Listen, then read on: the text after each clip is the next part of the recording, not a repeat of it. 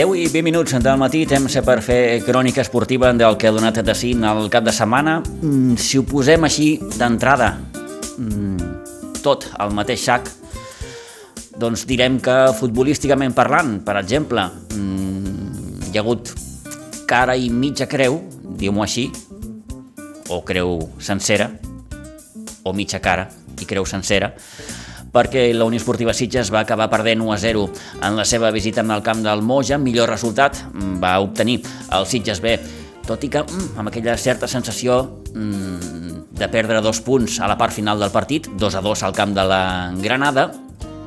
Tampoc li van anar massa bé les coses al Rugby Club Sitges, que va perdre amb aquí a Pinsbens o al nou Santa Bàrbara, 11 a 16 davant el Buc en l'inici de la segona fase en la que el Rugby Club Sitges, ho dèiem divendres, haurà de lluitar per evitar amb el descens de, de categoria i millor per al bàsquet Sitges, tot i que, bé, ahir, mm, ara ho dèiem Vicenç fa un, una estona, no? El marcador, aquest nou marcador encara no, no està afinat del tot i bé, bona part del partit es va haver de disputar sense, sense el marcador, allò en l'intent de posar-lo tot en ordre, no hi va haver manera, en fi, que eh, s'haurà d'afinar encara una miqueta més aquest nou marcador del pavelló de Pinsbens, eh, però a nivell de resultat el bàsquet de Sitges, sense fer un gran partit, no va ser allò el millor partit de la història, sens dubte, però va aconseguir la victòria 65 a 40 davant el bàsquet Viladecans. En fi, en farem repàs de tot això, però començarem, com cada setmana, sabent què és el que han fet els equips de la Blanca Subur al llarg d'aquest cap de setmana. Tenim l'Isidre Gómez ja amb el telèfon. Isidre,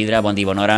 Hola, molt bon dia. Bé, si comencem parlant de la preferent juvenil, un molt bon resultat el que va aconseguir el juvenil A, que es va desfer de l'Atlètic Segre. En certa manera li va tornar, en certa manera li va tornar la derrota eh, contundent que va patir a la primera volta per 6 a 0, ahir un resultat molt més ajustadet, 1 a 0, gràcies a un gol del Nacho Soler. Bé, al tram final del partit, faltava molt poquet. Bueno, no direm un gol, un, un golàs. Un golàs. Golàs. Si hagués fet un jugador professional, segur que el treuen tota la setmana. No sé, va ser un, un gran gol, des de bastant lluny de la porteria, un xut, un gran cacau que va agafar un efecte d'aquells que Enverinat. es del porter mm -hmm. i entra ben ajustat al pal. Un golàs. Una molt bona victòria, aquests tres punts eh, que a la Blanca li suposen el punt número 22 a la Lliga, està en una posició, diem que força còmoda la classificació, es va llogar en aquest desè lloc de la, de la taula i de moment podem dir que la segona volta ha començat eh, prou bé per als nois de Raül Aroca, ja que dels tres partits jugats, de moment, dues victòries, un empat, per tant, bons números en aquest inici de, de, de segona volta. Eh, hem començat per aquesta victòria, però bé, també li van anar força bé les coses al juvenil B de segona divisió perquè, vaja, ja preveiem divendres que el partit no havia de ser amb tots els respectes, massa complicat perquè la Blanca visitava el camp del Cué, el camp de la Granada, i al final, el 0 a 5, Isidre certifica doncs, eh, que la Blanca va ser millor. Sí, a més, tal com m'ha explicat el Dani, va fer jugar amb bastanta estona nois que habitualment no juguen tant, tot i amb això el, la Granada pues, ho va posar complicat perquè ja dic, a la mitja part només guanyàvem 0-1 i no va fer la segona part que ens vam poder anar, anar al marcador. Mhm. -huh.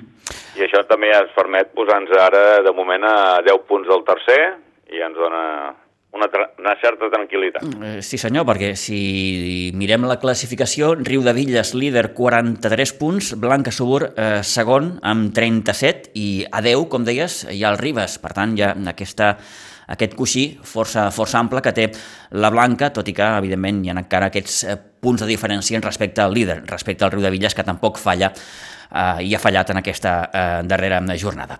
Hem començat pels dos juvenils, però, evidentment, hi ha més equips i més resultats. Isidre. Pues continuarem per la categoria cadet. El cadet A va guanyar 3 a 4 al camp de la Noia. El cadet B va perdre 1 a 6 a Pinsbens contra els Sobirats Unió Esportiva.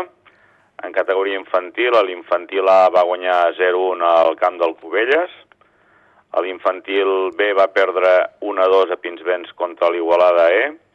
I finalment l'infantil C va guanyar a Pinsbens 11 a 1 amb el Vilanova i la Geltrú C. En categoria Aleví, el, l'Aleví es va imposar el derbi local 4-3 al Sitges, jugat a Pinsbens. a la Levi B va empatar 4-4 al camp del Sant Ildefons, a la Levi C també va empatar 3-3 al camp del Patí Sant Ramon, a la Levi D també va empatar, en aquest cas contra els Sitges a Pinsbens 2-2, i en categoria Benjamí, el Benjamí A també va treure un empat 3 a 3 al camp dels Sobirats Unió Esportiva. El Benjamí B ens va guanyar a Pinsbens 11 a 1 a la penya Jou de les Roquetes. El C, finalment el partit es va ajornar per Covid i finalment el D va guanyar a Pinsbens 12 a 0 a l'Atlètic Cubelles. I fent aquella estadística que em demanen algunes persones, 8 victòries, 4 empats, dues derrotes i un ajornat, i els empats, en alguns cas, amb sabor a victòria. Bé, doncs ens mantenim en aquesta bona tònica d'aquest 2022, bons resultats a línies generals dels equips de la, de la Blanca. Ens ha informat com cada setmana l'Isidre Gómez. Isidre, gràcies, una setmana més, que vagi molt bé. Gràcies a tots. Adéu-siau. Adéu.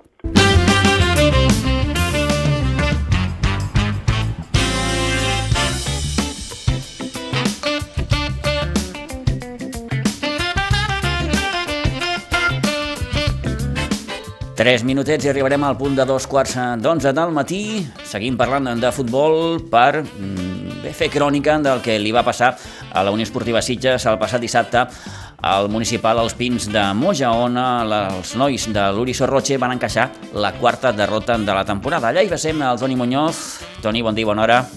Bon dia, Pitu. No va ser mm, ni de bon tros el millor partit dels Sitges. Vaja, com es diu en aquests casos, no es va veure la millor versió dels Sitges. No, no, no, no.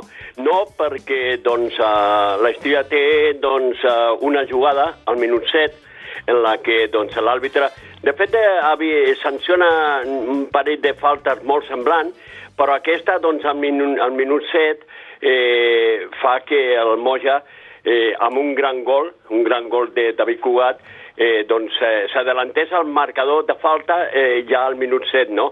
Què passa? Que a partir d'aquí eh, el Sitges doncs, no troba espai perquè eh, el plantejament del Moja amb aquest eh, marcador favorable doncs no deixa espais als Sitges, tapa molt bé la sortida de pilota dels Sitges, i els Sitges, eh, sobretot a tota la primera part, l'únic que podia fer és eh, pilotes llargues eh, i però clar, eh, estava molt bé tapat per la defensa del Moja, molt, molt replegadet a l'equip, eh, perquè d'aquesta manera doncs, el Sitges no trobava el seu espai per rematar, i tot i que Valero lo va intentar un parell de vegades, doncs eh, la primera part va acabar amb aquest 0 a, eh, aquest 1 a 0, no?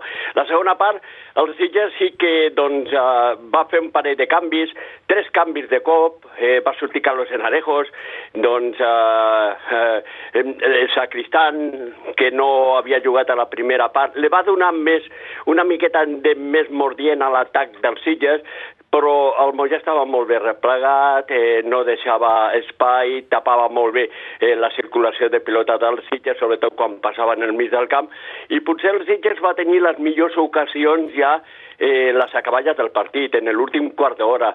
Eh, després, fins i tot, es va reclamar un, allà dintre de l'àrea del Moja un, un ramat, després d'un corna, que eh, pels jugadors del Sitges la pilota va entrar eh, allà estava ple de jugadors, l'àrbitre eh, a instància de l'auxiliar, mm, quan ell lo podia haver vist millor que l'auxiliar, perquè l'auxiliar estava més esquinat, doncs no donava gol, s'ha reclamat, reclamant molt pels Sitges eh, i fins i tot el Jan Montmeneu va tenir una molt bona ocasió per la seva banda, un xut que va treure un defensor i el porter, però va ser l'únic que doncs, eh, va, va, va generar els Sitges en aquest partit.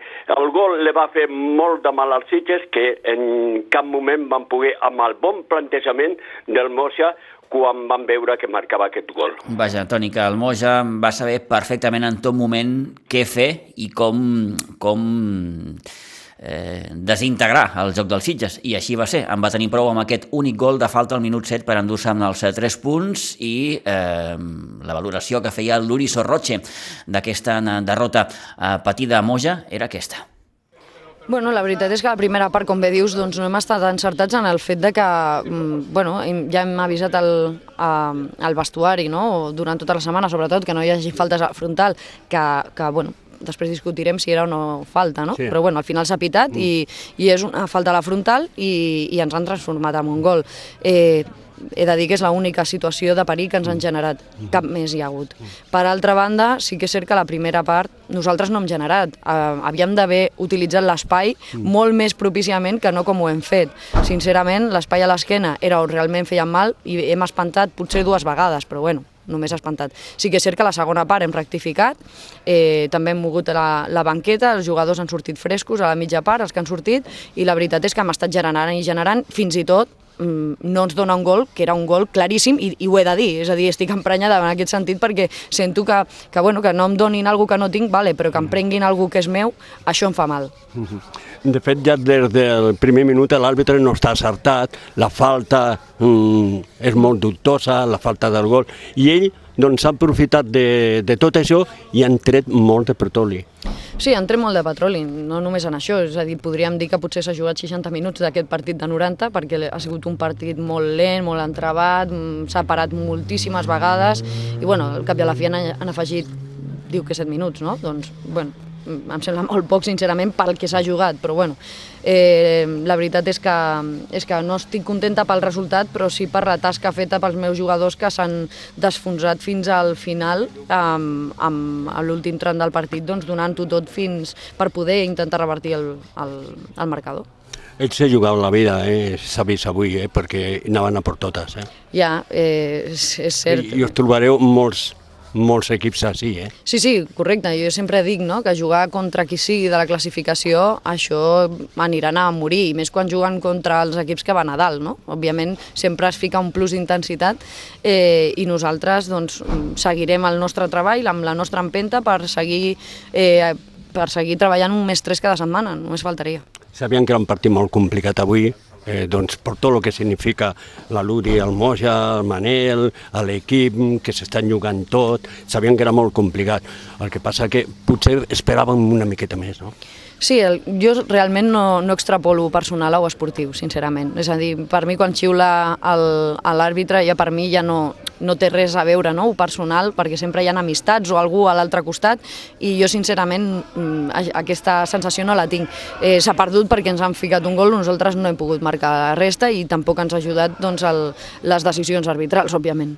Era molt important aquest partit, perquè avui també n'hi ha un partit molt important, el que jugaran d'aquí res, o estan jugant Estan ja jugant. eh, el Mariano Poblet Sant Mauro. Ara per ara, per quin t'inclines? Jo M'inclinava per... ha anat el marcador. Jo m'inclinava per guanyar, per guanyar nosaltres, òbviament, no? però no havent estat així, doncs, doncs, doncs uh, tampoc, perquè si no m'atrapen. Llavors, millor que, que el Marianao sumés. Sí, sí, sumés més tres. Sí. Molt bé, ara treballar el proper partit, que és a l'Olivella, eh? sí, sí, correcte, i no serà fàcil tampoc. Sí que és cert que serà a casa i, i a veure a veure com va el partit, però nosaltres treballarem a morir com es, a- estem fent fins ara, amb el compromís de tots els jugadors amb els quals esti, no, no, no tinc cap però a dir. Eh, ja per últim, la última, eh, Luri, eh, això no serà fàcil, es tindrà que treballar fins a l'últim moment i, i mantenir els jugadors, mm, bé, que avui hem tingut eh, ausències significatives, sobretot a la primera part, per les, per, perquè estan lesió, tocats, per lesió, per tot, no? Sí, els jugadors estan tocats. Venim de jugar eh, en 10 dies quatre partits i clar, això... la maratona. Eh, exacte, i aquest, aquesta maratona ha, ha complicat la situació de cada jugador i, i de fet es van trencar tres jugadors. I, I avui estem jugant com bonament podem, però bueno, al final els jugadors que estan al camp és perquè poden donar de si el, que, el màxim possible. Per això estan i, i bueno, doncs no ha pogut ser i no ha, no ha pogut ser. Cap Molt bé. Lúria, segui Gràcies. treballant. Gràcies. Vinga, va.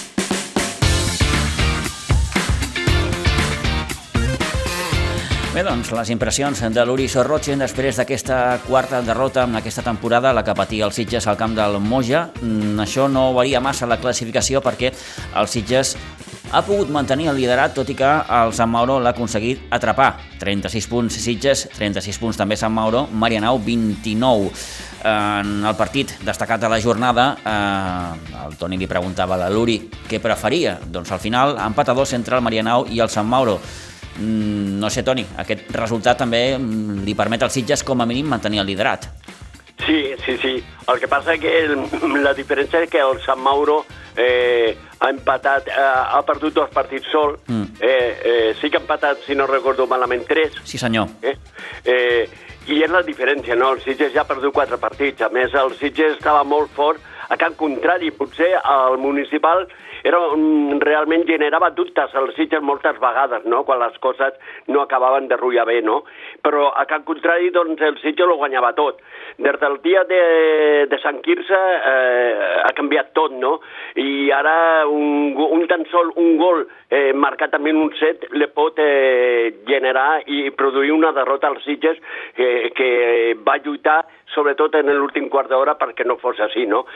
Qualsevol equip se, le posarà les coses molt complicades als Sitges com a tothom, no? Perquè el campionat està molt igualat. I el Sitges el que té que fer ara és eh, corregir sobretot tot això, eh, mirar de buscar el rendiment el més alt possible als jugadors que estan rendint més eh, i no perdre cap partit més, no? perquè si no es complica molt les coses. Eh, veurem què passa diumenge que ve aquí a Iguadols perquè ve l'Olivella, un Olivella que eh, en aquesta eh, jornada va treure un punt en el seu partit a casa 0-0 davant l'Atlètic Prat Delta. A poc a poc aquest Olivella eh, va intentant traie, treure el cap de la cua de la, de la classificació. Si parlem de la tercera catalana, Toni, eh, hem de parlar d'aquest empat a dos del Sitges B. No sé si dir un empat a dos amb un cert regús perquè mm, els homes de Toni Salido van estar molt a prop d'endur-se la victòria de la Granada. De fet ja passaven del temps reglamentari quan va marcar la Granada. En un partit bastant complet. De fet, el Sitges, a Can Contrari, aquest eh, equip de Toni Salido, eh, funciona força bé, no?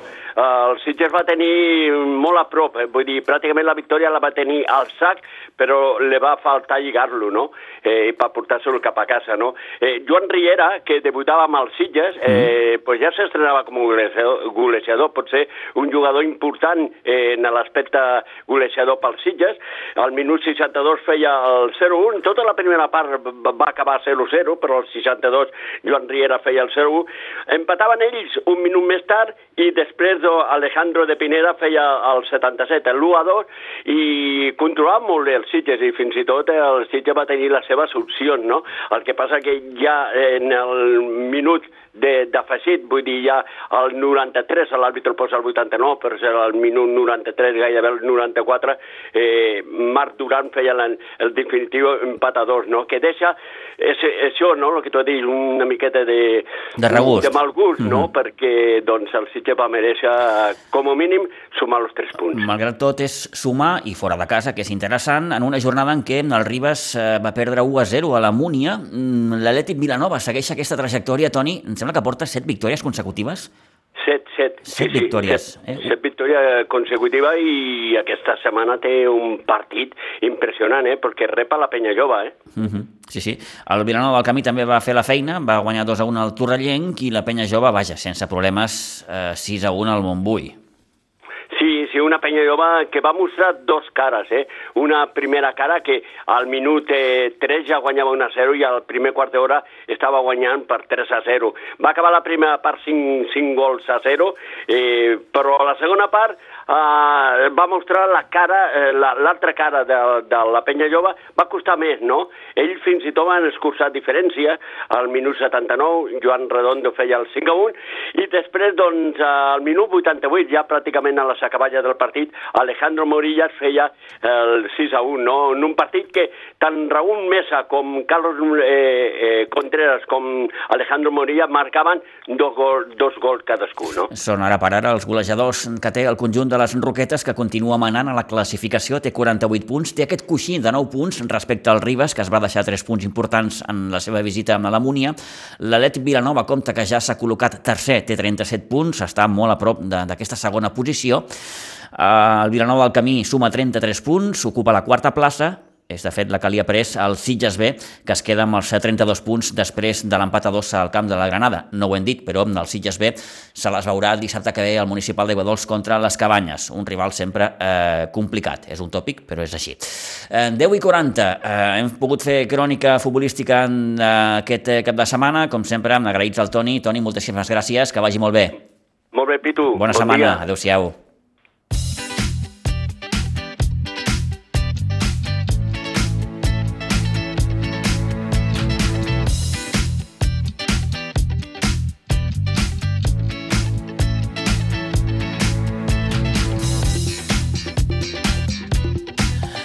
Deixem el futbol, anem al bàsquet, perquè ahir a Pinsbens el bàsquet de Sitges en partit de la jornada número 16 amb el grup 6 de la segona categoria del Campionat de Catalunya es va desfer sense masses problemes, tot s'ha de dir, 65 a 40 davant el bàsquet Viladecans, el Creu Roja Viladecans. Mm, un partit que al descans ja dominava amb un avantatge prou còmode, 32 a 14.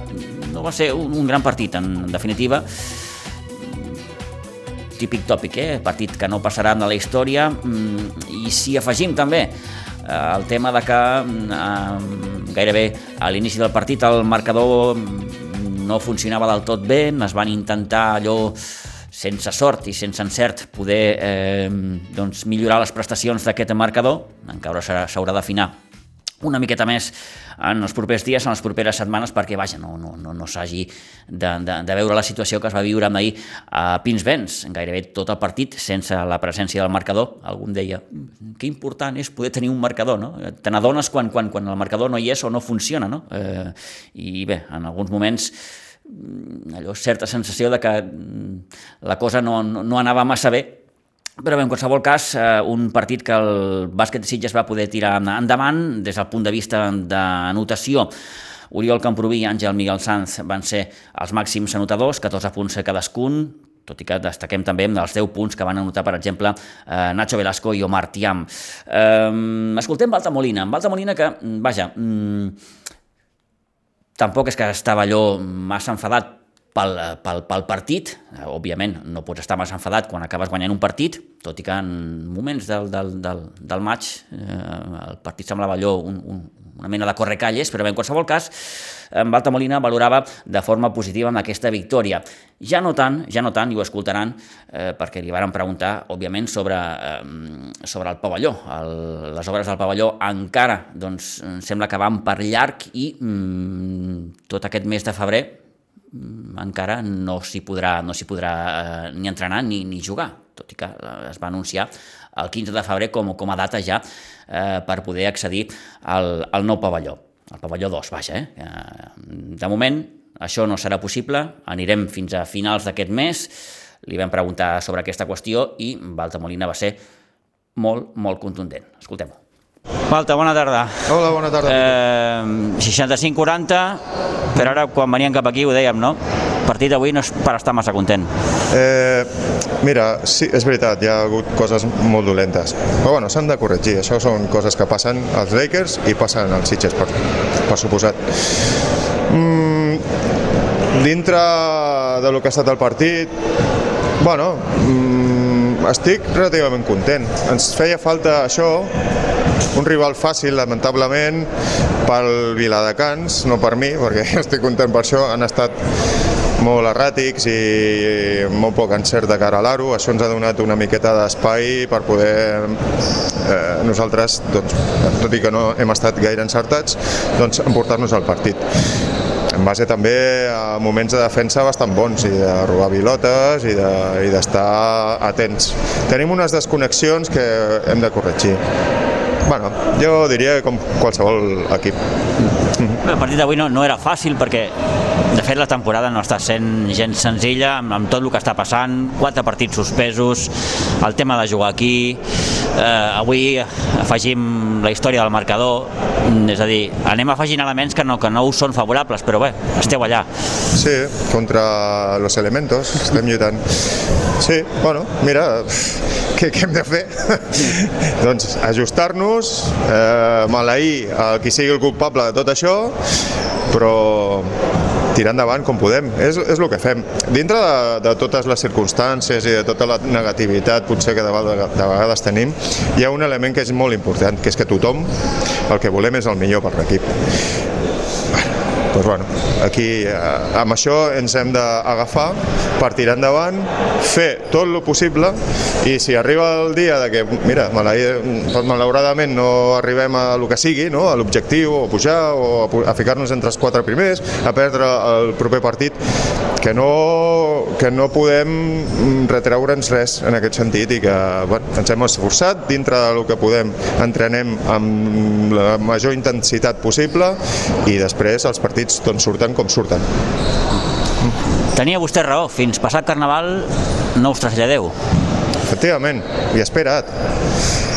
No sé, jo les coses de Palacio no les, les desconec, però aquesta gestió del pavelló ha estat nefasta i espero sincerament que els responsables ho paguin electoralment, els responsables, i els culpables que ho paguin de la forma que ho hagin de pagar, perquè estan jugant amb la il·lusió de moltes persones i de fet amb la salut. Moltes lesions i ja no tan sols el sènior, jo també porto un cadet i precisament, pam, lesió eh, al cadet molt probablement atribuïda a aquest terra.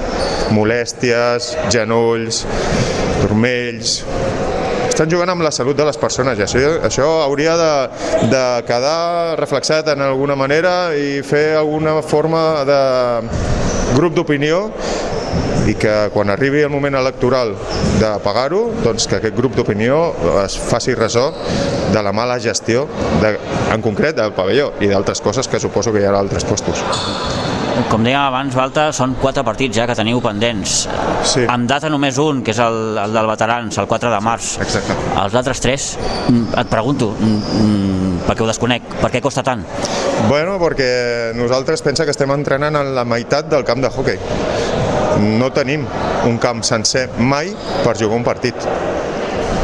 Esperàvem, a partir del dia 15 de febrer, poder posar al- almenys els dos partits que, estem, que tenim aquí a casa no, el partit, que ten, el partit que ens queda aquí a casa de Vilafranca, i Vilafranca, fora. Exacte, el, el de veterans ja està ajustat pel, dia, pel divendres, esperàvem jugar-los allà dalt, però jo crec que no serà.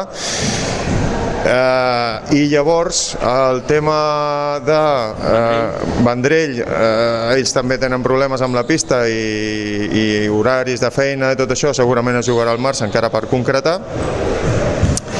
i què ens queda? Ja no sé què ens queda. I Reus. I Reus que segurament serà el dia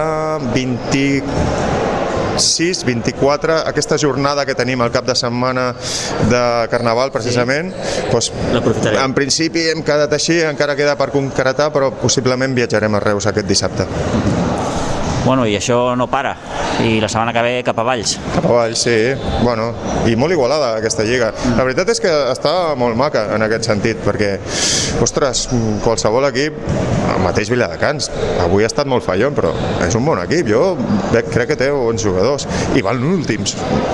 És una lliga molt igualada, eh, qual, de fet Viladecans la setmana passada va guanyar el Vendrell, Buh, una bogeria. Així que partido a partido. Molt bé, Balta. Moltes gràcies, eh? Vinga, gràcies.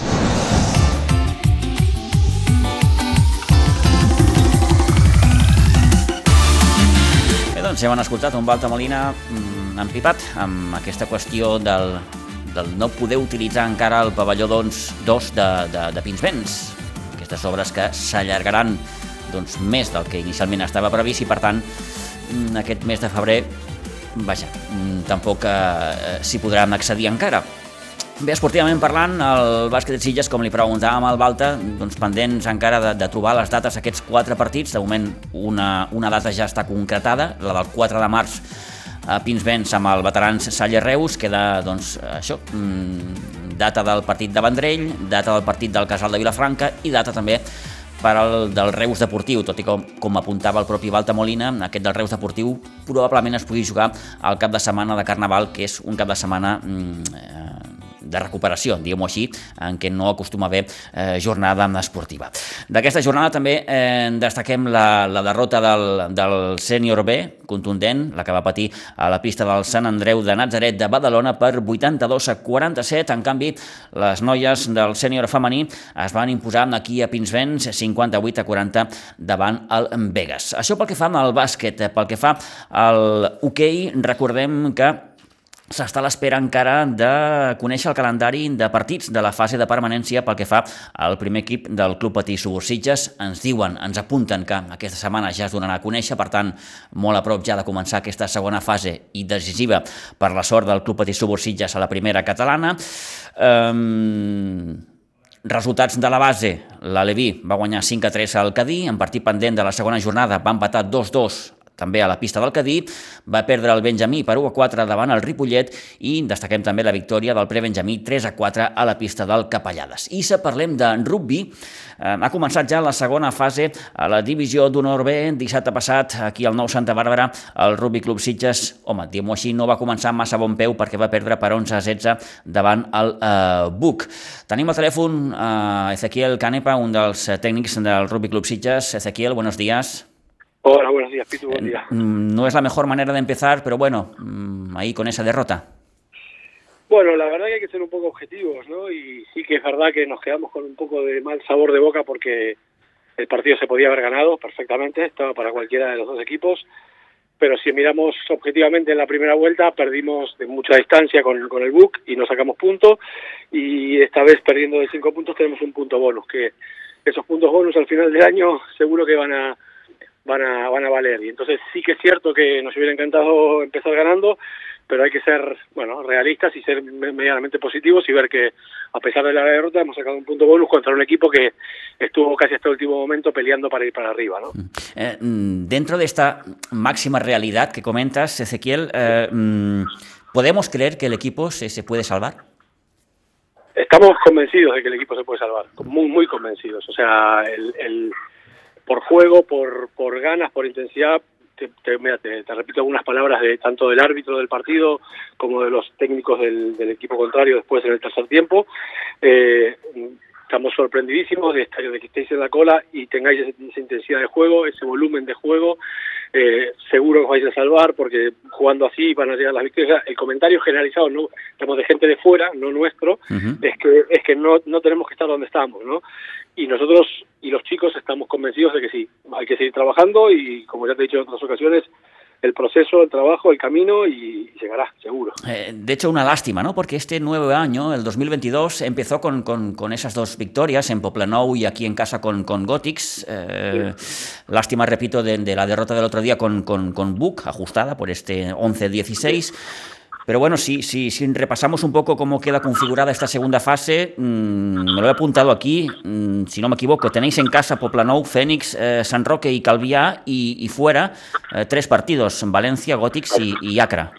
Exacto, a ver, la verdad que, que, también uno de los motivos por el cual también creemos que, que, al margen de por el trabajo que está haciendo y demás, que tenemos buenas posibilidades de mantenernos, es porque el sorteo de la segunda fase nos ha, nos ha venido muy bien jugamos cinco partidos en casa, ya hemos jugado uno y, y tres fuera, ¿no? Entonces, eso quieras o no, es, es, bueno, jugar en casa siempre es una pequeña ventaja deportiva.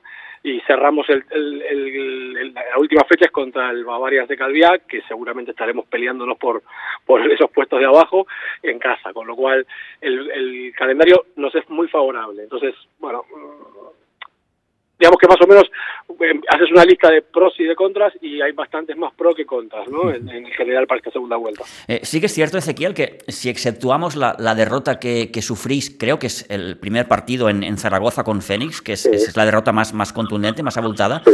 Sí. el resto de partidos, bueno, es que ha ido, lo decías hace unos momentos, ¿no? Muy ajustado, resultados muy, muy ajustados. Sí, sí, sí, sí. Bueno, lo, la primera vuelta contra equipos que ahora están arriba, el caso de, de, de Cau, fue muy ajustado en casa, sacamos punto bonus, eh, contra San Juan, eh, bueno, fue, fue un poquito más, más, con más distancia en el marcador, mm. pero el partido en sí eh, se jugó bien, se aguantó, se, se podía haber hecho algo un poquito mejor, entonces no se ve una gran diferencia. El comentario generalizado es que es que en general la liga es bastante pareja, ¿no? Contra Hospitalet al final por tema COVID y eso no pudimos jugar, pero bueno, sí que es cierto que es Hospitalet es de los que está más, más distanciados y a ver qué pasa ahora cuando vuelva, cuando venga Fénix a casa, ¿no? Yo creo que el resultado aquel fue un resultado engañoso, ¿no? El partido, viaje, y bueno, nos llevamos una, una buena, una buena, un buen toque de realidad, digamos, ¿no? Pero bueno, luego sí que ha sido, ha sido muy, muy parejo y contra el mensaje a los chicos fue, podemos ganarle a todos y podemos perder contra todos, no hay más. Claro, o claro. Sea, eh, ¿Habéis hecho números, eh, más o menos, qué os haría falta para, para conservar la categoría o no? Yo creo que tres victorias, ya. son, dos, son 12 puntos y algún que otro punto yo creo que con 15, con 14, 15 puntos deberíamos poder eh, conservar la categoría. Esa es un poco la idea. Lo que pasa es que no soy muy amigo de eso, ¿sabes? Porque, porque al final las cábalas, a ver, sí, qué sé yo, el partido que le ganamos a Poblenou no entraba en nuestros, en, nuestros números de inicio de, temporada de a quién le podías ganar, no entraba a ganar ese partido. Salimos a ganar siempre, pero no era de los que marcas con que este hay que ganarlo o este tienes más posibilidad de ganarlo. Sin embargo, lo ganamos, ¿no? Los que sí están marcados en el calendario, pues es el, de vuelta en Gotix, el que viene, el que viene eh, a casa, San Roque que estuvimos ahí a punto de ganarse allí. O sea, esos tres partidos, digamos que son los más eh, enfocados en los que tenemos que estar y bueno, evidentemente en nosotros a sacar lo que se pueda sacar. ¿no? Mm, eh, y fíjate, este, este próximo sábado, si no me equivoco, recibís a Poplanou. Exacto, en mm, casa. Eh, la importancia que cobra este partido, ¿no? Sobre todo porque venís de, esa derrota con, con Book. Sí, sí, a ver, ya te digo, nosotros piensa que piensa que hicimos 8 de 8, ¿no? De derrotas en la primera vuelta. Sí, sí. Y no es que estemos un poco con, con el callo ya de la derrota, o sea, de poder aguantar, pero digamos que Poblenou sigue siendo un equipo con el que nosotros no contamos con ganarle. Que le, ganamos en casa, excelente. Que saldremos a ganar, excelente. No será el mismo partido, no los vamos a pillar de sorpresas como lo pillamos el otro día. O sea, bueno, son muchas cosas, pero pero que a nosotros el hecho de haber perdido contra UC el sábado y si, se da otra derrota este sábado, que esperemos que no, que sea victoria, no, no, no, nos, no nos tira para abajo, ¿no? O sea, nuestra realidad es otra y sabemos cuál es y entonces, evidentemente, es duro y el otro día el mensaje en la ronda a los chicos fue mm, las caras vuestras me lo dicen todos, o sea, con Camilo se lo dijimos, las caras dicen que podíais haber ganado el partido y estáis jodidos porque podíais haber ganado el partido contra un equipo que iba a estar para arriba prácticamente. Entonces ellos mismos ya saben que, que lo tienen ahí. Entonces mm, están bien, la verdad que están bastante bien chicos. Mm. Eh, mm, permíteme para acabar, Ezequiel, preguntarte por el, por el Senior B, porque eh, otra victoria más en el saco, 17-20 en, en B contra Usona, cinco partidos, cinco victorias. De momento los chicos están espectaculares me gusta que le digas los chicos porque hay algunos que te lo agradecerán, porque hay unos que ya no son tan chicos, pero, pero la verdad que, que, el, B, el B está haciendo una labor brutal, porque, porque es, permite, permite que la gente juegue, que la gente apoye, que los, que, los más jóvenes que por ahí no tienen todavía el nivel de jugar arriba puedan tener rodaje, tener partidos, eh, los veteranos que todavía se sienten con pilas y con ganas dar una mano y seguir, seguir en activo y, generar una competencia, una competitividad que ayuda a que todos progresemos. ¿no? Entonces es, es, destacable, el partido del sábado fue un partido durísimo, con dos lesionados por nuestra parte, uno que terminó con un golpe en la cabeza del hospital, otro no, o sea, fue bastante a, contra, a contracorriente como nos viene pasando últimamente, pero, pero sacaron la victoria el fin de semana anterior sacaron victoria en casa contra un Kimix B, un equipo siempre duro. Y bueno, la verdad que, que, el objetivo es, que primero el objetivo es que se lo pasen bien, que salgan a disfrutar, a divertirse y, bueno, y, están ganando además, o sea que más motivación aún. Pues buena temporada sin duda de este, de este Senior B. Ezequiel, te agradezco estos minutos, eh, muchas gracias, que vaya muy bien y bueno, a ver si este 2022 nos trae esa tan ansiada permanencia. Mira, Pito, yo te lo agradezco mucho y déjame que aproveche para decir una cosa y es que nos gustaría invitar a, a, Siches, al pueblo de Siches, a que cada vez que haya partido en casa se acerquen, se acerquen para ver el ambiente, se acerquen para, para ver lo que, se, lo que se vive en el club, para que disfruten y sean también parte de las instalaciones que, el ayuntamiento nos ha, nos ha nos ha regalado, eh, no son nuestras evidentemente, pero que nos ha, nos ha puesto para que utilicemos y, y, nos gustaría que todo el pueblo conozca y sepa lo que es el Rugby Club Siches, lo que es el rugby y, y lo que se vive allí, ¿no? Así que invito desde aquí a, todo, a todos los del pueblo, asociaciones, periodistas, gente, a, quien sea que se, que se acerque un día por el club y, y, venga a conocerlos. Pues queda clarísimo el mensaje. Gracias, Ezequiel. Un abrazo. A ti, siempre. Un abrazo.